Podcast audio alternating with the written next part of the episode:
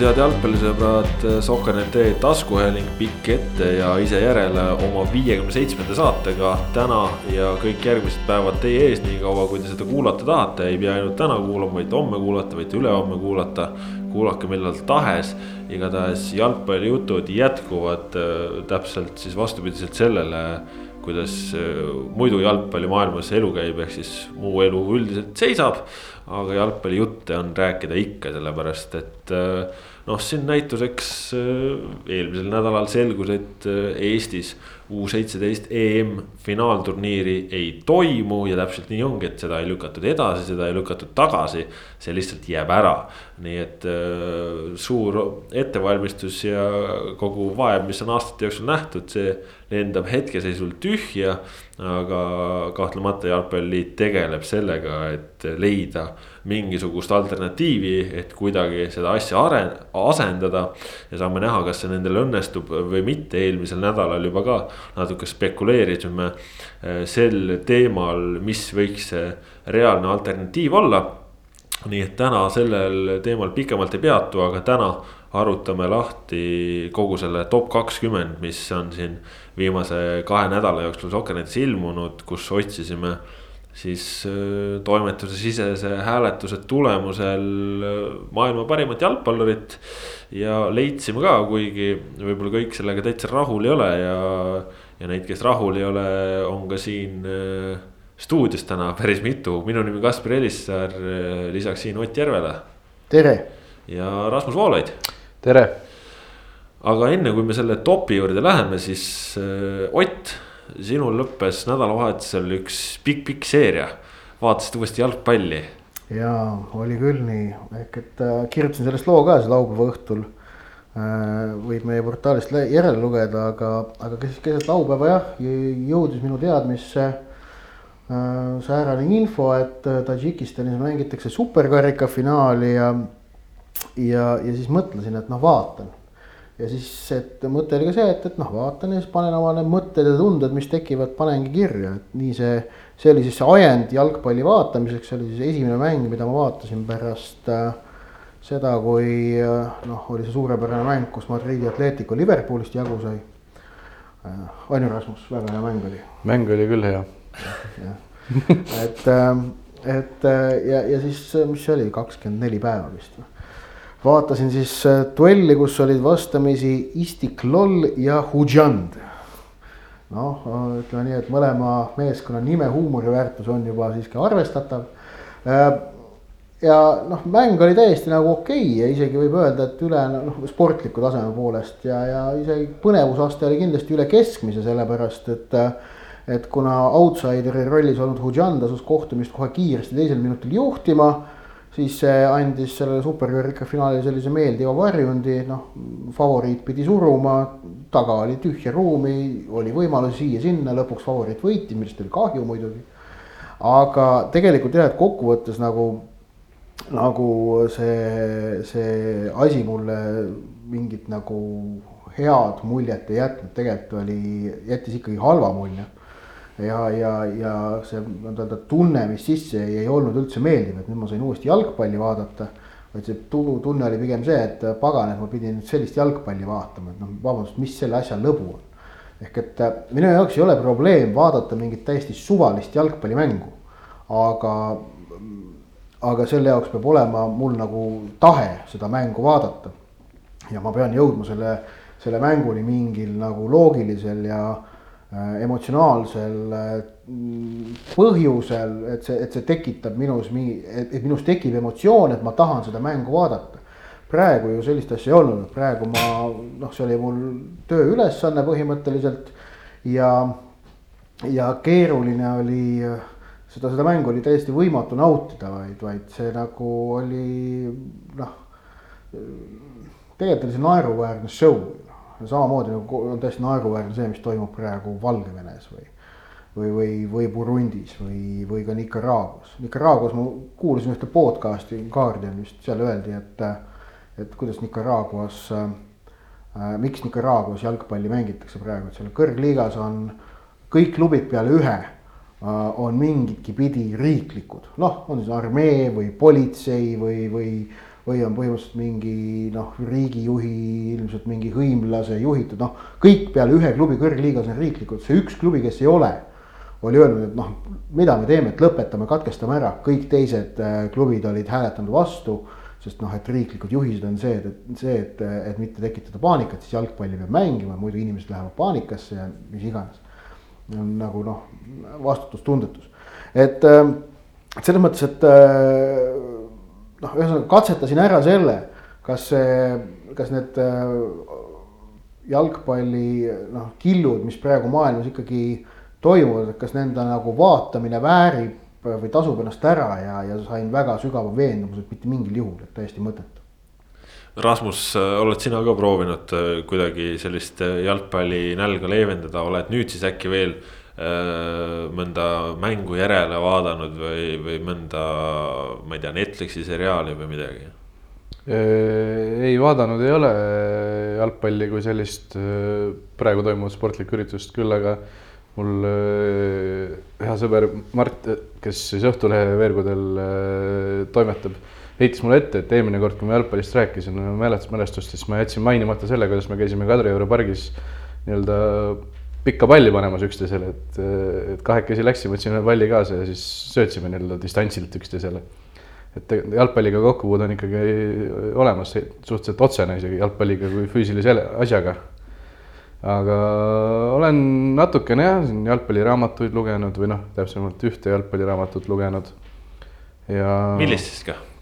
mul hästi ammusest ajast, kui Ott tuletas eelmine aasta meelde, eelmine saade meelde halva tõlkega jalgpalliraamatuid, siis Luis Suarez oma on üks nendest, siis mul tuli meelde tänu sellele, et mul on see veel pooleli. siis ma lugesin seda natukene edasi, endiselt on halb tõlge. aga, aga jah, nii palju olen jalgpalliga seotud olnud, lisaks tööalasele kokkupuutele. ma vaatasin, äh, et mida nagu vaadata, siis mina vaatasin siin nädalavahetusel, eile õigemini vaatasin ära sellised asjad nagu FIFA ametlikud filmid äh, FIFA teeb filme igast MM-finaalturniirist, ma vaatasin ära kahe tuhande neljateistkümnenda aasta MM-i filmi, kahe tuhande kaheksateistkümnenda aasta MM-i filmi ja mulluse naiste MM-i filmi. igaüks on circa selline tunni aja pikkune. kõige kehvem oli Venemaal tehtud MM-ist film, mis on täiesti lihtsalt nagu kokku kleebitud põhimõtteliselt mängude tipphetked, noh mõni põgus nagu lause ka sealt mõnelt asjaosaliselt, aga noh, tegelikult selline väga banaalne ja lihtne, tõsi, loodusvaated on kaunid, aga see oli nagu kõige kehvem. kahe tuhande neljateistkümnenda aasta oma oli juba palju parem. Äh, see oli siis Brasiilia MM-i film, need kõik on FIFA tv Youtube'i kanalil leitavad, tasuta vaadatavad, no kvaliteet väga hea, kõik nagu igati korralik.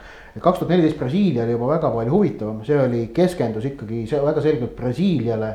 rääkis äh, noh, rääkis nagu Brasiilia jalgpallist äh, ei ole tal mingi nüüd teab mis kõrgkunstiline saavutus, aga ma arvan, jalgpallisõbra jaoks oli see huvitav. Eh, naiste MM-i eelmise aasta film oli täitsa okei okay kuigi noh, ma ei tea, natukene nagu jättis ka toore mulje. aga ühesõnaga, mina olen näiteks selliseid asju praegu vaadanud ja mul nüüd kahe tuhande kümnenda aasta Lõuna-Aafrika MM-i film äh, ootab järge, et seda, see, see on nüüd äh, täna õhtul plaanis vaadata, see oli vist tund ja kümme ma vaatasin et mu noh, vaatab, vaatab, mis, mida need endast kujutavad, kui ma olen need ära vaadanud mingi hulga, siis ma kirjutan loo ka Sokkerneti neist kuna mul on see kaks tuhat kaheksateist äh, MM-i film on mul äh, arvutis tääbis lahti. see on mingi match two on ju noh. kas, kas, panen kinni või? pane kinni jah see pane kinni, aga otsi kaks tuhat neliteist välja ja see okay. nagu tasub ära kindlasti. et kaks tuhat neliteist MM-il see oli mingi ka tunninde aega, et see on nagu tõsiselt hea, noh hästi, hästi kulutatud aeg kaks tuhat kaheksateist, no okei okay,, sa võid seal mingeid nagu väravaid meenutada ja asju, aga tegelikult ta on ikkagi suht banaalne, et ta on selline noh. eriti mulle viskas üle seal ikka mingid sellised, ma ei tea, kujutan ette, kuidas, tähendab, tegelikult seda asja ei tehtud FIFA kommunikatsiooniosakonnas äh, seda, seda ütleme siis ütleme neid, neid tekste, mis seal filmis ette loetakse aga ma kujutan ette, kuidas on FIFA kommunikatsiooniosakond, selline unine neljapäeva õhtu, kõik tahaksid juba kõrtsi minna, veini ja õlut jooma. ja siis on see, et, et kuule, mis me sinna paneme, mis teksti me sinna paneme. paneme, paneme midagi vägevat, paneme, et tõestas taas, et jalgpall võib täita unistusi. midagi muud sama banaalset, selliseid banaalsusi on see nagu film täis, et äh, no noh, ongi jah, et see, see, see, see jättis ka nagu kehva mulje, pane see kinni ja tee kaks tuhat neliteist lahti. aga jaa, üks elu valik jälle lihtsamaks tehtud, aga Rasmus, jalgpall seisab, aga, aga poleemikat on õhus sisuliselt sama palju nagu ka siis, kui jalgpalli mängiti, lihtsalt teemad ja vaatenurgad on natukene erinevamad väga palju kõneainet äh, tekitab praegu üle Euroopa, üle maailma see, kuidas äh, klubid majanduslikku seisu siis üritavad endal pehmendada, mis meetmeid võetakse kasutusele. ja väga palju kõneainet tekitas nädalavahetusel Liverpool äh,. Inglismaa ikkagi suurklubi, maailma suurklubi, üks äh, paremini võib-olla finantsiliselt toimiv klubi ja otsustasid, et saatsid siis mäng, mitte mängijad, aga, aga töötajaid sundpuhkusele ja see legendidele väga ei meeldinud. jah, selle vastu nii-öelda siseallikad räägivad, mis sealt Inglismaalt tulevad, et isegi klubi kaptenitele, Henderson, Milner olid samamoodi väga-väga pettunud klubis, lisaks endistele mängijatele, asja, asja nii-öelda ekspertidele, kes seda kõike siis kõrvalt jälgivad ja nii edasi, et ühesõnaga see, mida Liverpool tegi, oli saatis töötajad puhkusele, kus nad saavad palka edasi, aga sellest palgast kakskümmend protsenti maksab klubi ise ja, ja kaheksakümmend protsenti siis tuleb nii-öelda sellest valitsuse fondist või nii-öelda maksumaksja kulul ja see inimestele väga ei meeldi, seda võrreldakse minu arust suhteliselt tabav võrdlus sellisele käitumisele on see, kui ütleme, meie läheksime praegu Toidupangast toitu võtma et see on ka noh, et nagu inimestele mõeldud toit küll, aga, aga meie saame ju samamoodi poest ka osta, et et Liverpool saab, saab, saad, suuks, suudaks ju ise edasi maksta palka inimestele, aga aga seda ei tehta Ingl. Inglismaal jah, praegu on näha, et, et seal äh, huvitaval kombel muidugi, et noh, tuletame meelde, et Inglismaal on äh, võimul ja sai väga tugeva mandaadi mullustel valimistel tooride valitsus toorid on ikkagi meie mõistes äh, noh, sellised ikkagi konservatiivsed, parempoolsed inimesed, kes äh, toetavad äh, tugevat, kes toetavad noh, väga selgelt ikkagi kapitalistlikku lähenemist. ei ole ülearu erinevate toetuste usku ega ka ümberjagamise usku. ja, ja nüüd ikkagi selle valitsuse liikmed on seal siis, oli see see oli vist mingi see spordi või haridusminister, mingi see, mingi Hancock või mingi. tervise, terviseminister vist isegi. jah, okei okay. ja see siis tuli ju eelmine nädal välja ja noh, ründas väga jõuliselt Premier League'i jalgpallureid. et ähm, sealt hakkas see asi, asi nagu peale, et, et ja, ja huvitav on just, et tooride minister siis ründab, noh, võtab sõna ümberjagamise poolt, et seda nagu väga ei ole, ei, ei tulegi ajaloost meelde äh,. aga noh, teema on siis selles, et, et selle peale noh, jalgpallurite kaitsele viskusid tegelikult väga mitmed endised jalgpallurid ja minu arust, kas oli Jermaine Jenas, endine Tottenhami Inglismaa koondise poolkaitse, vist oli BBC-s ta minu arust seletas. et ta noh, ta oli ilmselgelt nagu mitmete oma endiste kolleegidega nagu konsulteerinud ja, ja selgitas ära, et. et nendel, nendel jalgpalluritel, kellel tõesti palk on selline, mis äh, mis äh, võimaldab äh, sellest nagu noh, loobuda ajutiselt, ei ole mingi probleem sellest loobuda, aga äh, nad tahavad olla veendunud, et see loobumine ei tähenda raha säästmist klubi omanikele, vaid et reaalselt selle raha eest aidatakse kedagi. ja, ja see ongi nüüd see, see nagu, tuletan meelde, et Premier League'i klubide omanikud, vist mõne erandiga, on tegelikult ikkagi noh väga,, väga-väga rikkad inimesed ja, ja see on nagu noh, see, see, see koht, kus no on tekkinud seal vaidlus. ja tegelikult avalikkus on seal ikkagi Inglismaal näha nüüd viimaste päevade jooksul üha enam ja enam läinud nagu jalgpalluritega ühte paati. ning okei okay,, kui Premier League'is, ma lugesin täna vist, et äh, öeldakse, et Premier League'i mängi keskmine aastatasu on kolm pool miljonit äh, naela. Äh, või, või oli eurot, no noh, kõrge. et hüva, et noh, Premier League, aga, aga muuseas sellest muidugi lähevad veel maksud maha et, et see nagu, mis maksud on seal vist võivad olla ligi mitukümmend protsenti. ligi pool nagu, nagu Eestis on ju, aga. noh, aga et, et noh, Premier League, Premier League's, aga kõik see, mis tuleb sealt altpoolt, siis ähm, noh, näiteks Championship League, League One, League Two, need on samamoodi professionaalne jalgpall ja, ja ja kui seal hakatakse näiteks samasugust nagu ühtlase kirvega palgakärbet tehtama, siis see tekitaks seal väga paljudele mängijatele kohesed äh, majanduslikud raskused äh,. lisaks äh, noh, toodi välja hea aspekt, et, et noh, et kuna jalgpallurid sageli ütleme keskmisest sagedamini tulevad ikkagi sellisest väga lihtsalt ja, ja vaesest keskkonnast, siis on neil kombeks toetada mitte ainult oma nagu perekonda, vaid ikkagi päris suurt äh, lähikondlaste ringi ja ka kogukonda, kes, äh, et, et, et, et ka ütleme, need palgakärped tabaksid sel juhul tegelikult ütleme sellist teistsugust äh,, äh teistsugust noh, need tabaksid laiemalt, on ju. et see, see, see olukord tegelikult äh, on väga mitmetasandiline, väga mitmekihiline ning äh, säärased lihtsalt hõiked, et, et jalgpallurid teenivad palju raha ja nad peavad oma palgast nüüd osa ära andma. Need on tegelikult ikkagi, need on üpris banaalsed, et seal nagu noh, kui, kui nagu vaadata seda, mis seal nagu Premier League'is ja lugeda natukene, mis nagu toimumas on, siis see, kuidas noh, Jordan Henderson oli alustanud äh, üleliigalist äh, noh, mängijatega omavahel äh, kampaaniat, et noh, saada mingi fond kokku, millega saab aidata just nimelt neid, kellel on abi vaja. Mitte, et see läheks kuskile üldisesse noh, mutiauku. Äh, et noh, kahtlemata seal see sotsiaalne vastutustunne on olemas, selles ei tasu, muidugi mingid on, on ka mingid lurjused ja, ja noh, säärased noh, nahaalid on ju, neid on igal pool. Aga rõhuv enamik jalgpallureid ka Premier League'is kindlasti on vägagi vastutustundlikud, saavad aru oma oma rollist ja tahavad teha head, aga äh, nad on äh,, nad on selles mõttes äh, piisavalt äh, äh karmis äh,, nad, nad tunnevad piisavalt hästi seda keskkonda, seda karmi ärikeskkonda, kus nad tegutsevad et nad seal niisama pimesi kedagi usaldama ei hakka. muuhulgas praegu siis tegelikult kõige suurem usalduskriis ongi ilmnenud minu meelest teljel klubid versus mängijad et mitte öelda klubide omanikud versus mängijad. ja tänane uudis on siis ju BBC-s praegu, kui me seda saadet lindistame, et, et, et kuna üleliigaline kokkulepe ei õnnestu, siis hakkab iga klubi isiklikult mängijatega läbi rääkima ilmselt. et seal noh, asi veel vindub ja tegelik noh, tegelikult on veel seis ka see, et, et noh, et julgen arvata, et enamikel Premier League'i klubidel ei juhtu midagi, kui nad mängijate palka kärpima ei pea. vähemalt esialgu mitte ja noh, seal mõned, mõned erandid on, et noh, mõned väiksematel satsidel ilmselt on keerulisem.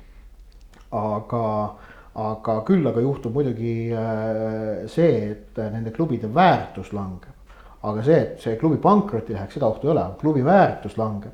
see on probleem klubi omaniku jaoks, see ei tähenda, et see klubi pankrotti läheks, kui ta väärtus langeb jah, siin äh, mu arust äh, Danny Rose ka Inglismaa koondise vasakkaitsja Tottenhamis pikalt mänginud, mhm. praegu siis Newcastle Unitedis laenul.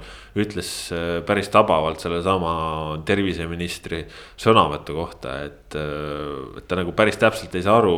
ja talle tundub see veider, miks jalgpallivälised inimesed tulevad ütlema jalgpalluritele, mida nad oma rahaga tegema peavad, et see mõjub sellise Äh, täiesti tarbetu survestamisena, sest nagu ka Rose ütles, et enne veel, kui inimesed hakkavad selgitama ja, ja seletama, mida nagu äh, mängijad peaksid oma rahaga tegema, siis mängijatel juba ju käisid arutelud äh, kuidas vähendada, kas vähendada ja, ja nagu Danny Rose ka ütles, et temal pole mingit probleemi suunatagi raha abivajajatele, heategevus teeb seda hea meelega. aga selline väline survestamine, et keegi kuskil kõrval ütleb, vaata jalgpallurid teenivad nii palju raha, las nad annavad ära, et see nagu tundub lihtsalt väiklane aga nii palju siis sellest, äh, läheme nüüd äh, saate põhiteema juurde, kui nii võib öelda ja see on siis top kakskümmend. Äh, tõesti kahe nädala jooksul Ivar Lepik tõi teieni suure hulga lugusid erinevatest jalgpalluritest.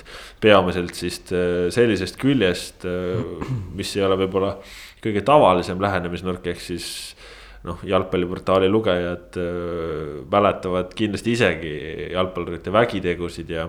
Ivar tõi pigem välja selliseid nüansse, mis äh, võib-olla nagu igapäevaselt ja, ja meenutades alati läbi ei käi. aga, aga kõik see top, mis kokku sai, noh, kindlasti olete ise jõudnud ka silma peal hoida ja praegu on Soccernetis üleval ka päris selline detailne detailne plaan sellest, kui palju keegi hääli sai. kui palju punkte, mis kohtadel lõpuks keegi jäi, seda saate sealt vaadata, aga, aga tippmine viis oli siis selline, et viienda koha pälvis Zinedine Zidane. tema ees Diego Maradona, kolmas koht Pele, teine koht Cristiano Ronaldo ja, ja tabeli tipus siis Lionel Messi.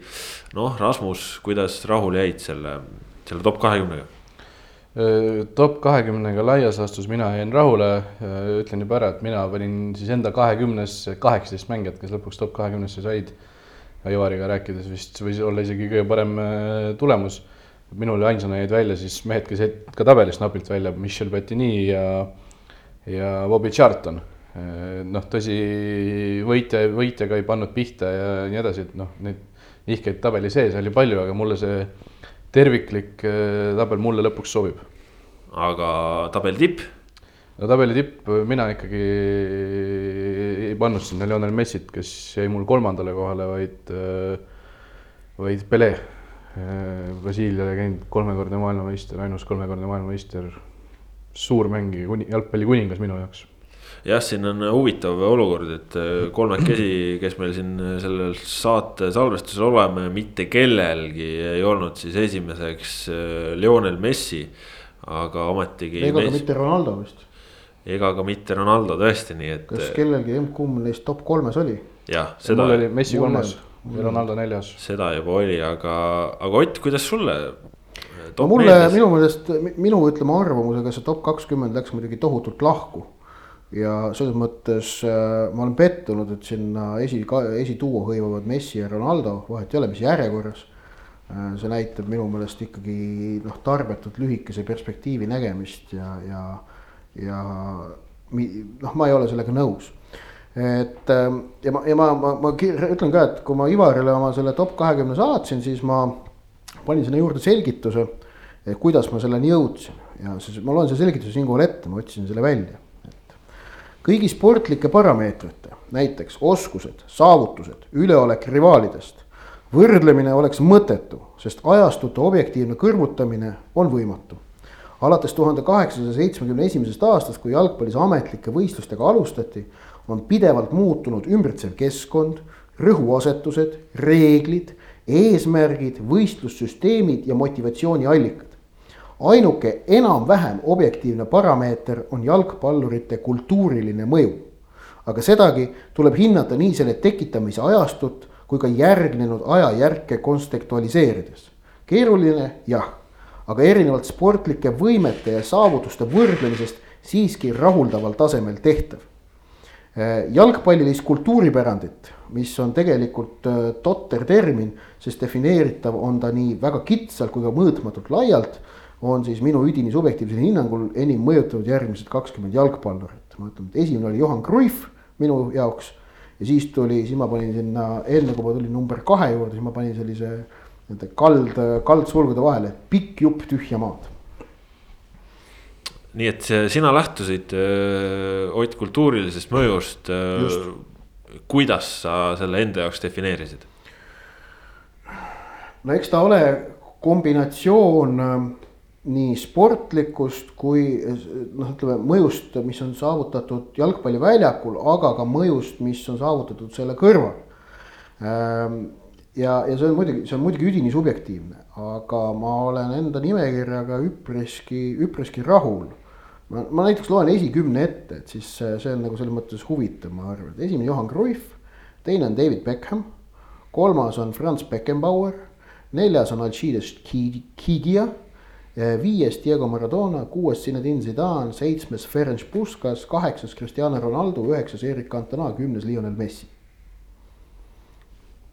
ja noh, noh, Pele on muuseas kolmteist, olgu öeldud ja siis äh, Marta ja Megan Rapinov olid need, kelles, kes said minult oma ainsa hääle ja George Weah samamoodi.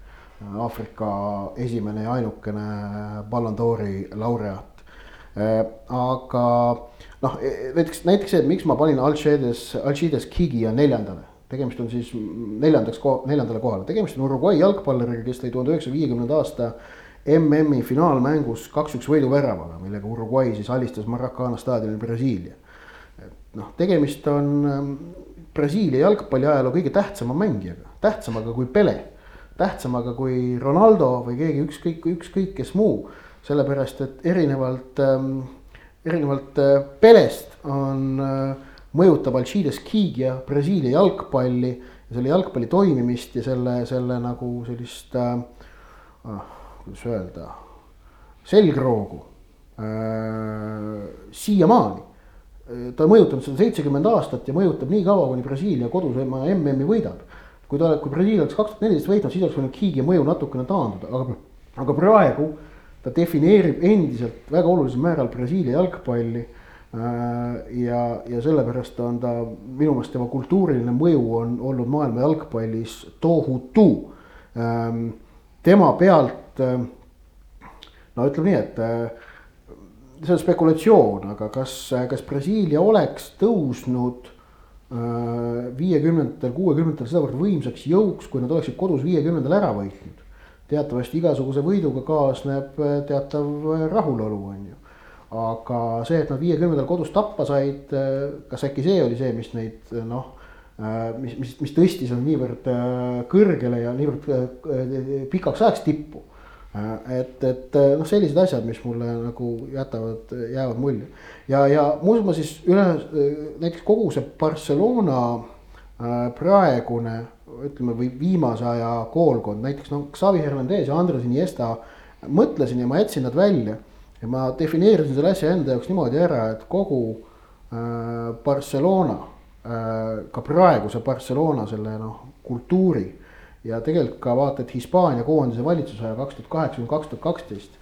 see kõik hõlmab ära, tegelikult Johan Cruyff hõlmab selle kõik üksinda ära. sest et kõik see tuleneb temast. Nagu ka see, milline on jalg, milline on Amsterdami lennujaama arhitektuur. et see tuleb ka Johan Cruyffist, see, mida Johan Cruyff tegi jalgpalliväljakul, kes ei usu, lugege Äh, David Winneri raamatut Brilliant Orange, mis on noh, fantastiline jalgpalliraamat. kuigi tegelikult ta ei ole üldse jalgpalliraamat. Äh, ehk et, äh, ehk et noh, mina vaatasin seda asja niimoodi, noh, David Beckham teisel kohal on see, et, et tema tegi jalgpallist, tema on jalgpallur, kes sümboliseerib jalgpalli ütleme siis noh, selliseks tööstusharuks saamist. sul on. esimene ülemaailmne, esimene selline noh, kes oli, kes, kes lisaks jalgpallistaarile olemiseks oli ka popstaar tegelikult. ja sul on kindlasti Gigi üle selles mõttes hea rõõm, et äh, kui ta suri aastal kaks tuhat viisteist, siis see tähendas, et ta nägi kaks tuhat neliteist, kuidas Brasiilia veel korra kodus. jah, see oli kindlasti, ma usun, tal endal oli ka hea meel Rasmus, äh, millest sina lähtusid äh, oma topi koostades? mina äh, proovisin lähtuda sportlikust poolest, nii kuivõrd see võimalik on. Seetõttu Beckham ei käinud mul läbi isegi näiteks noh. ja ma olen nõus, et sportlikult ta ilmselt ei oleks seal noh, nii ja naa. ütleme noh, ta käis mul korraks nagu peast läbi kui jalgpallur, kelle väga palju käisid läbi, aga nagu ei mõelnud korraks ka, et peaks tema enda kahekümne hulka sisse panema, ma proovisin nii palju kui võimalik see üldse on, see ei ole väga võimalik, aga, aga siiski noh, mingi mingisuguse asja ma sain kokku ja tuleb välja, et äh, panin nii-öelda selle kõik asjad kokku te,, teised said ka suht sarnase asja, sarnase tabeli moodustatud, moodustatud. ja ma ise lähtusin, äh, ütleme nagu selliste parameetritega, et number üks on minu jaoks on ju nagu saavutuslik külg koostöös siis oskuste poolega, et noh, vahel on võimalik asju võita ka nii, et sa tegelikult äh, oled lihtsalt õnneseen ja õnnelikus kohas. aga, aga selle kõrval mina hindasin äh, sellist Steven Kivark on maailmameister põhikoosseisu ründaja, teate seda nalja no vot et äh, ja siis selle kõrval mina hindasin äh, sellist mõju jalgpallile. Äh, ja selliseid mängijaid, noh, ütleme a la Franz Beckenbauer on ju, kes muutis totaalselt jalgpallimängu kaitsjana oma seal libera rolliga. no põhimõtteliselt ütleme ütleme varem ju jalgpall koosnes väga palju ründajatest, aga ta oli selline, ütleme, et see libero rolli võib nagu mõnes mõttes minu arust isegi üle kanda nagu tänapäevaseks selliseks mängu ehitajaks kes nüüd on siis natukene kõrgemal väljakul, aga, aga Beckenbauer oli ka, ta oli nii liikuv, et ta alustas sealt alt, aga jõudis tihti ka oma soolodeni ju väravateni välja, ta oli väravaid. mitte siis standardolukordadest ainult pelgalt, vaid, vaid ka selliste jooksudega, et selline tänapäevane mängu ülesehitaja. miks mitte, on ju, ja noh, teise nurga alt a la äh, Lev Jašin kindlasti äh, muutis väravahtide mängu selle nurga alt, et äh, et noh, varem ikkagi väravaht oli pigem joonel seisja. ja, ja siis tema oli see, kes hakkas minema tsenderdustele, väljajooksudele kes äh, tõi, ütleme siis väravahi nagu sammu võrra ettepoole. ja, ja noh, võib-olla siis tema järel nagu selline mänguline revolutsioon on olnud kõige suurem Manuel Neueril, keda mul sees ei olnud. aga, aga oli mul näiteks palju rohkem teisi väravahte, et. ma ütlen ka siis vahele, et mul ka Jašin ja Beckenbauer mõlemad top kümnes sees ja Neuer oli seal nii-öelda tugev kandidaat kuni lõpuni jäi sinna kuskil, ma arvan, kahekümne, kolmekümne hulka võib-olla. jah, aga, aga näiteks ongi, et väravvahtide äh, nurga alt äh, mina olin siis tõenäoliselt see, kes pani kõige rohkem neid väravahte sisse, et mul oli topis sees äh, lisaks siis Jašinile ja Buffonile, kes käisid ka tabelitest läbi, oli, oli mul Iker Casillas, noh minu arust vaieldamatult, et kui sa oled Real Madridi esiväravaht ligemale kakskümmend aastat sa võidad äh, kõik klubirindel, sa võidad kõik koondise rindel. et äh, see on lihtsalt, äh, minu jaoks ta on selline nagu käilakuju olnud jalgpallis, et nagu võimatu mööda vaadata. ja samamoodi Oliver Kahn tegelikult ju ka ta on ikkagi noh, selline suurkuju, aga noh, nagu see top üldse oli, et eks ta oli selline ründavate mängijate pärusmaa. kaitsvaid mängijaid ikka väga-väga vähe see, see on loogiline, et, et ründajad, no see, see on jalgpalliajaloos kogu aeg niimoodi olnud, et ründajad saavadki rohkem, rohkem tähelepanu ja, ja see kaitsjatel on vaja mingit erakordsemat saavutust, et, et silma paista, et noh, seda näitavad ka meile Ballon d'Ori hääletused, et noh, et pärast Fabio Cannavaro't kaks tuhat kuus ükski kaitsja seda võitnud ei ole ja noh, et siis ega eelmine aasta läks ka õigesti, et Messi pidigi võitma, mitte Van Dijk ja, ja noh, kui ta siin enne tuli ka välja, kes oli Oti esimene, Johan Kruhv, kes oli Rasmuse esimene, Pele, siis minul oli esimene Zinedine Zidane. täielik maestro, nii suurt jalgpallurit äh, äh, nagu igas mõttes äh, no läheb lihtsalt nii harva, et muidugi siin ongi maitsed erinevad ühtepidi, teistpidi, aga. aga noh, ongi, et kogu selle ründajate plejaadi vahele üks nagu päris õige poolkaitse, kes oli tehniliselt äh, tipptase, tarku, mängutarkuse poolest äh, veel kõrgem tipptase. kes suutis lüüa äh, iga jalaga, mõlema jalaga igast kohast. noh, see fenomenaalne lihtsalt, et vaadake tema videosid ja te lihtsalt lummute, et kui teil igav on ja, ja praegusel ajal võib seda ette tulla, siis. siis kahtlemata nagu seda soovitan küll teha, aga näiteks minu poolt võib-olla selline üks kurioossus võrreldes teistega, et näiteks minu top kahekümne hulgas ei ole Diego Maradonat ja, ja põhjus väga lihtne, ütleme, et kui Ott hindas, siis ainult sellist kultuurilist mõju siis äh, mina mõtlesin just selle teise nurga alt, et äh, Maradona oli lühikese perioodi hea jalgpallur. aga ma ei ole veendunud, et ta oli tegelikult nagu tipp-tipp, et tema tegi kuulsaks kõik see, mis toimus äh, ümber väljaku. see, kes ta oli, milline ta oli, noh muidugi jumala käsi, ehk siis tema on jalgpallur, kelle legend on kordades suurem, kui oli ta talent. muidugi ta oli ülimalt talendikas, ta oli hea jalgpallur, aga. aga noh, tema puhul mulle isiklikult tundub, et, et see kogu see legend on lihtsalt niivõrd palju suurem, noh, et.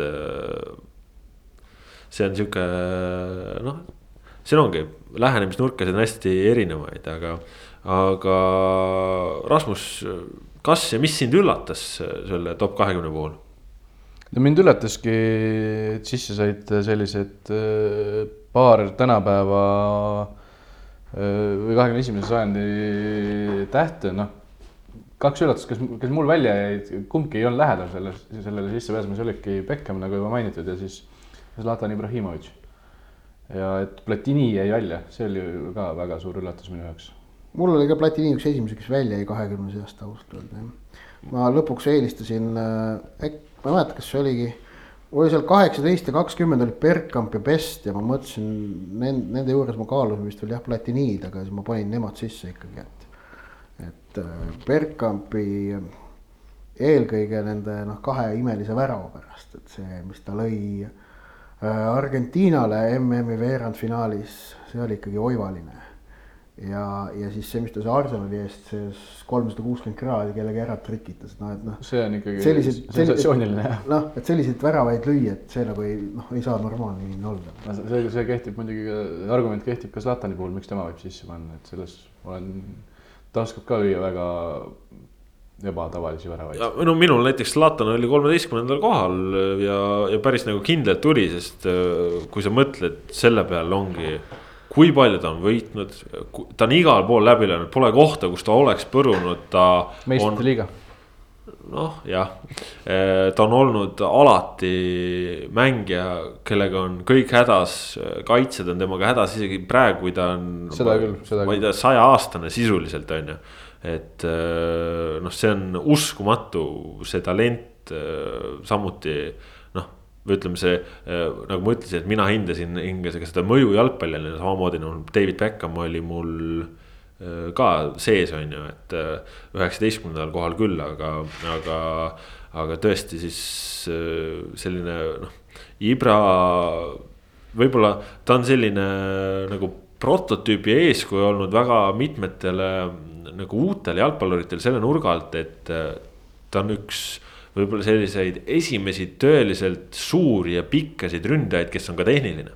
sest äh, me varasemast me mäletame ikkagi, ikkagi on selline noh, pikk ründaja oli Jan Koller on ju, et äh, oli, oli selline arhetüüp, et äh, pikk ründaja on suur ja tugev ja et ega tema palliga mängida ei oska, aga. no tihti oligi, et oli kaks ründajat ees, üks oli see palliga vend ja teine oli pikk. just ja, ja, ja minu arust Ibrahimovitš on olnud see, kes on, on, on selle muudatuse jalgpalli toonud. et ka tänasel päeval nüüd, kui meil on suured pikad ründajad, nad on ka tehniliselt tasemel, no ma ei tea, Harry Kane, ta on ju ka pikk mees.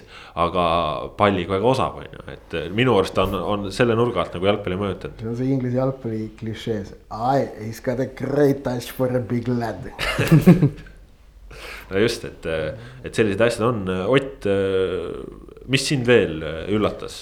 et äh, George Weah sai hääli ainult minult, ma panin ta viieteistkümnendaks, tegemist siis ainsa ja esimese ja ainsa Aafrika Ballon d'Ori laureaadiga ja just sel põhjusel. pluss ja pluss veel noh, ma ütlen jälle, kui ma vaatan kultuurilist mõju, siis noh, temal on teatavasti tema kultuuriline mõju ei piirdu ju üksnes sellega, mis ta jalgpalliväljakul on teinud, vaid tegemist on praeguse Libeeria presidendiga. et tegemist on siis mehega, kes äh, on oma jalgpallilised saavutused väga otseselt äh, transleerinud äh, poliitiliseks kapitaliks, millega ta siis noh, võitleb erinevate küsimuste nimel, mis, mis talle on tähtsad. ja, ja selles mõttes ta noh on, on minu jaoks kindlasti selles mõttes nagu väga jalgpalliloos väga tähtis tegelane. ka kindlasti see just nimelt, et ta oli esimene aafriklane, et, et äh, kes siis Ballon d'Ori võitis ja ta oli noh, selles mõttes see, see on ka märgilise tähendusega. jah, et Aafrika jalgpalli lugu on olnud teatavasti keeruline ja Veah on siis selle üks, üks esimseid neid säravaid hetki seal ja.... Salah ei, oli ka lähedal või? kes? Mo Salah ei, ei kaalunud ka ausalt ma mõtlen just see Aafrika kultuuriline. tema ei ole niivõrd väga Aafrika, kuivõrd Araabia. Araabia just jah. just, et, et teda, teda ja seal ongi see minu meelest, vaata, vaat see on nagu, et mul on keeruline ausalt öelda pidada kõiki põhja-aafriklasi puhtaks nagu Aafrika jalgpalluriteks, minu meelest Aafrika jalgpalli piir läheb ikkagi sealt Sahara kõrbest. ja, ja või noh, ütleme, see on see, et, et et see no minu noh, on selline tunnetuslik piir, et see õige Aafrika jalgpall on see, mida mängitakse Saharast allpool. see, sellega võib nõus olla jah, aga nagu araabia, araabia kultuuriline mõju ka. et, et kõik see Põhja-Aafrika, Alžeeria, Maroko äh,, Egiptus, need tegelikult ju noh, nende, nad, nad kuulu-, kuuluvad tegelikult ju Araabia kultuuriruumi äh, tõsi, nad mängivad jah, kontinentaalses mõttes mängivad nad koos Aafrikaga ja Aafrikas ka moslemi usku on ju, on ju selles Musta-Aafrika piirkonnas päris palju ja ta on levinud seal aga, aga jah, et, et noh, Salah oleks minu jaoks nagu Araabia jalgpalli staar, mitte Aafrika jalgpalli staar äh,. aga ühesõnaga jah, tulles tagasi, Salahit ma ei kaalunud ja ühtegi asiaati või Aasia jalgpallurit tähendab, noh, vahet ei ole, kuidas võtta, ei tulnud ka ausalt öelda ette. ei tulnud ka, ma ütlen, kui ma ise vaatan seda top kahtekümmet, mis lõpuks kokku sai, siis ainus selline mängija, kes mul kordagi isegi peast läbi käinud, oli noh, selles mõttes, et ma ei kaalunud absoluutselt, Karinša, viieteistkümnendal kohal. ja Põhja-Ameerikast ma ütlen, et eh, noh, äkki no ega No- ma ei no kaalu ole, tegelikult kedagi, no no, no. Mehhikost äkki, äkki Hugo Sanchez. no ei tea, no top kakskümmend, no ei ole. noh, jah, nii ja naa, noh. Ta oli selle Mehhiko satsi ikkagi ju noh, käilakuju, mis, mis, mis kahel kodusel MM-il möllas, noh. jah, ja noh, ütleme, ma veel enda poolt toon, et on ju, kui paljudel oli George Best oli sees, siis minul jäi George Best nagu väga kindlalt välja, sest äh, temal ka, ütleme, legend on oluliselt suurem, kui ta jalgpallurina oli, et.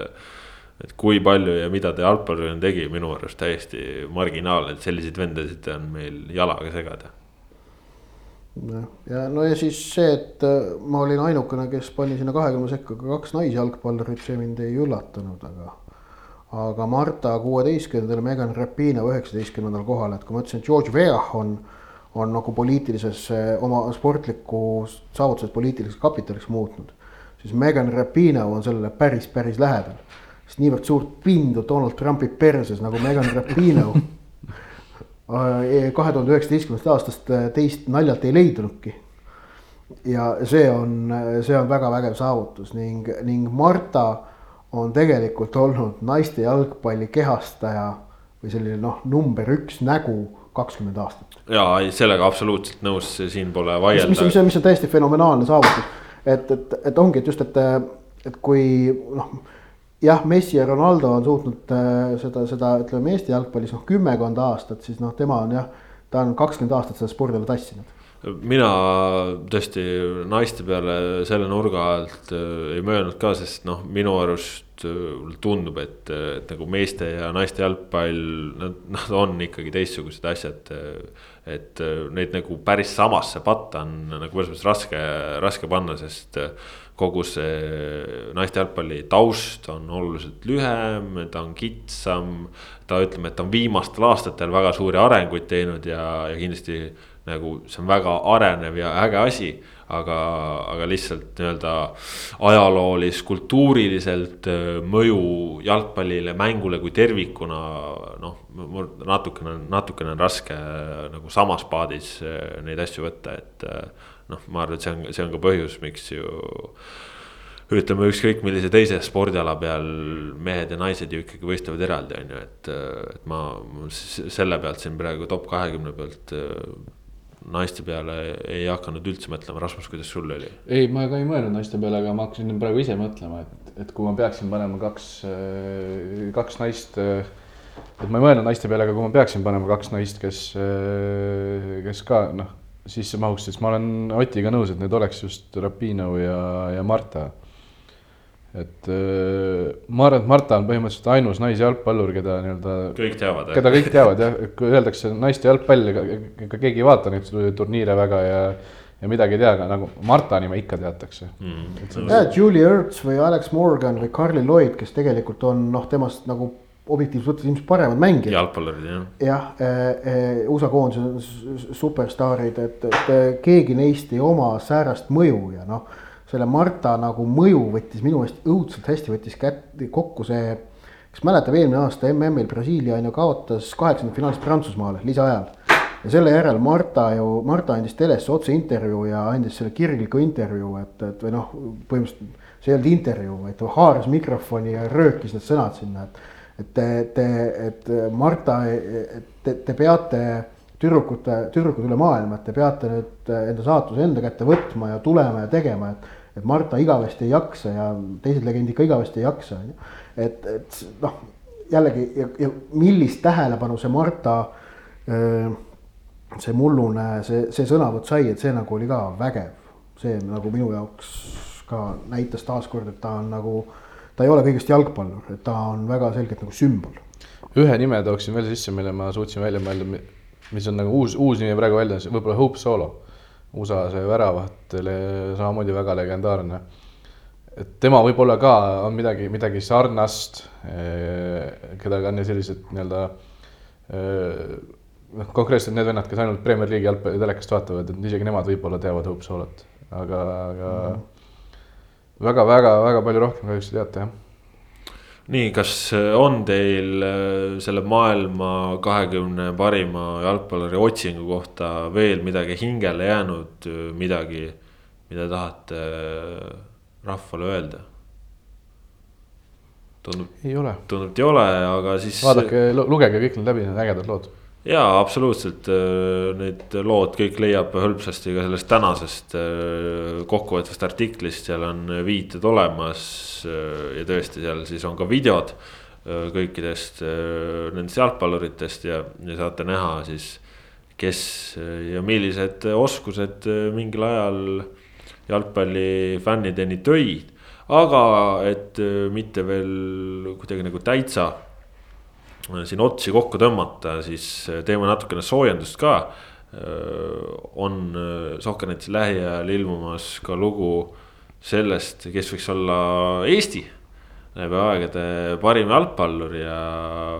ja Rasmus, sina seda lugu oled teinud, ärme võib-olla selleni praegu lähe, aga, aga kogu selle paremusjärjestuste mõtlemise peale, mida sa siin nüüd ka Ivari jaoks pidid tegema ja ja kindlasti käisid mõtted ka Eesti juures, et kes Eesti see läbi aegade number üks on, et kui Sokkerneti tabeli järgi tuli välja, et Lionel Messi on maailma number üks, siis kes Eesti number üks on? no mul on, ma olen selles suhtes raske ülesandes praegu, et mind on tulnud nii-öelda sisendit on tulnud erinevatest suund, suundadest, mis mind ennast ka paratamatult natukene mõjutavad, aga ütleme, ma proovisin minna tagasi sinna faasi, kus ma ei olnud veel nii-öelda ekspertidega konsulteerinud sel teemal mina ise äh, vist, ma arvan, lõplikult pärast seda Liverpoolist lahkumist mõtlesin enda jaoks välja, et Klaavan on äh, Eestile peaaegu jalg, parim jalgpallur, kes ja siis läks mööda Marspoomist.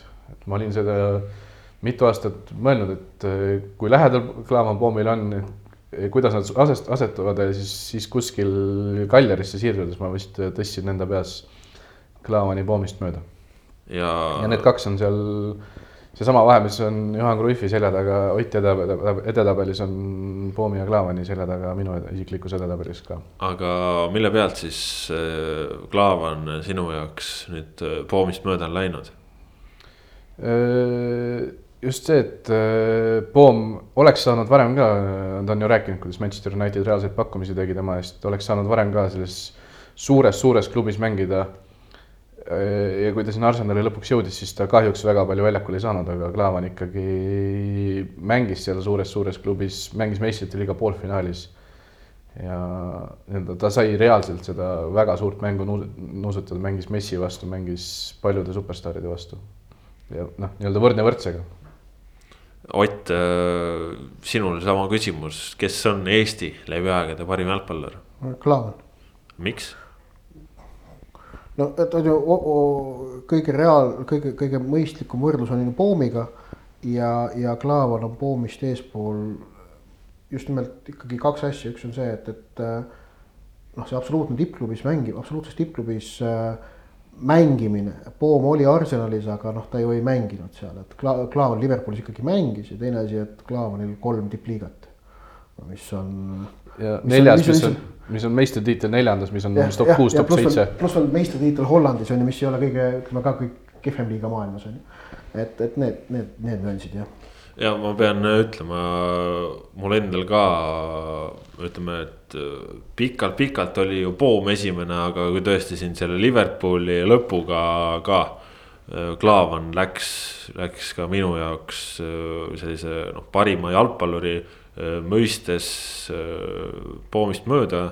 Klaavan siis, siis ka mul, ma arvan, tänasel päeval esimesel kohal, samas ütleme, et kui hinnata võib-olla sellist äh, Äh, siis kultuurilist mõju, nii nagu Ott hindas äh, selle välismaa top kahekümne puhul, siis, siis kui ma sellist kultuurilist mõju ja kogu seda folkloori poolt mõtlen, siis, siis ma arvan, et ta on minu jaoks ikkagi Poom esimene.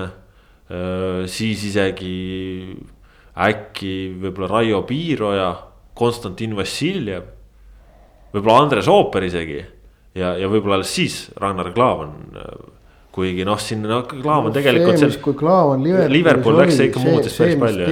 see, see vaimustus, mis, mida ta tekitas tegelikult ka no just nimelt inimestes, kes muidu nagu jalgpalli polnud jälginud. ta oli ikkagi, ma ütleks, ta oli peaaegu nagu Ott Tänak vahepeal Eesti, Eesti mõistes. isegi rohkem äkki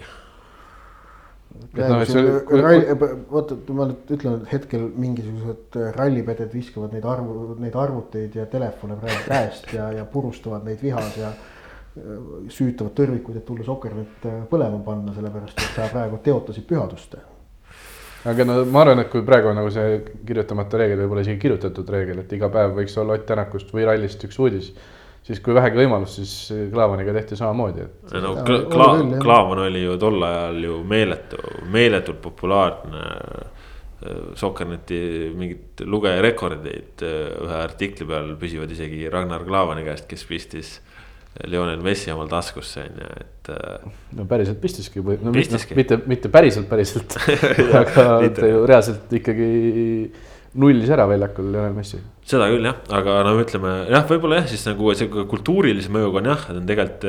aga ma siin ei tea, Poom oli ka ikka omal ajal noh see on ka aja, ajad on teistsugused, kogu inimeste info tarbimine on teistsugune, selles mõttes see mõju, aga. ei, kui meil praegu oleks väravat Premier League'is värava Inglismaal no,. absoluutselt, et noh, nagu Poom on selles mõttes nagu klassikasse läinud ja, ja nagu ma mäletan küll isegi, isegi seda, kui ma olingi kodus Hiiumaal kui veel näiteks äh, Poom liitus veel Arsenaliga, mis, äh, milline mõju see toona oli veel ja. ma mäletan ka, kuidas ja ma, kui praegu on see, et äh, Twitteris ootad seda uudist, siis tol ajal ma refresh isin Delfit põhimõtteliselt. Neid komment-, kommentaare, mis on mingi tuhandeid kommentaare oli selle uudise all, kus, kui Klaavan või kui Poom oli liitumas Arsenaliga, ootasin seda ametlikku teadet. jah, ja noh, ütleme äh, jah, see, see oli ikkagi selline, ma näen seda seda mõju võib-olla ka praegu oma sõprusringkonna pealt, sest mul on nagu sõprade seas väga-väga palju Arsenali fänne. et äh, ma arvan, need, kes on praegu nooremad ja, ja Eestis on tekkinud ikka väga palju Liverpooli fänne, et siin on seda Klaavani mõju on näha, aga. aga kui nagu jälle võtta nagu sellise Eesti koondise nurga alt, siis, siis noh, ütleme, et noh, Piiroja oli ikkagi ma ei tea, noh suurimatest suurim koos Vassiljeviga, et vot nemad on sellised äh, jalgpallurid, keda tõesti kõik Eesti inimesed teavad. Eesti koondise kõige tähtsamat mängijat valides, siis me võime tõesti ilmselt piir, siis on tõesti ilmselt piir öelda nagu jah. ja, ja, ja noh, või siis ka no ütleme, et noh, Vassiljev oma nagu mänguliste saavutustega, kui palju ta on Eesti koondise jaoks andnud, ütleme siis ja, pärast seda, seda kui ooper lõpetas. me kipume vaatama seda asja nagu läbi Eesti koondise, aga noh.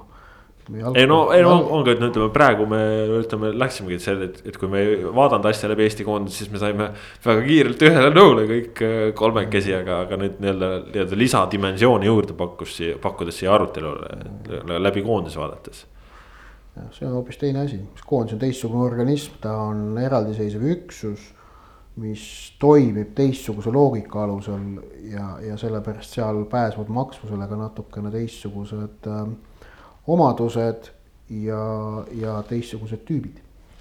ja koondise nimekirja sinna koondise tähtsamate mängijate nimekirja tahaks ikkagi Martin Reimi ka veel sisse panna. jah vot, aga ma arvan, praegu on nüüd paslik tõmmata tänaseks jooned alla, kes on siis tegelikult ja päriselt Eesti läbi aegade parim jalgpallur. Selle info toob siis läbi mitmete Eesti jalgpalli suurkujude ja korüfeede suude teieni lähiajal Rasmus Voolaid. ja kahtlemata soovitan teil ka äh, igal muul põhjusel Sokernetis püsivalt olla, meie töö käib endiselt edasi pakume teile kõike, mida ka vähegi oskame ja suudame, et oleks endiselt huvitav ja jalgpall teie elust ei kaoks. aga selline oli viiekümne seitsmes saade, pikk ette ja ise järele. uued jalgpallijutud äh, uuel nädalal, seda võime teile öelda küll. aitäh, et tulite meiega, tänast saadet tõid teieni Kaspar Elissaar, Ott Järvele ja Rasmus Voolaid. püsige terved, hoidke distantsi, olge kodus ja kõike head, adjöö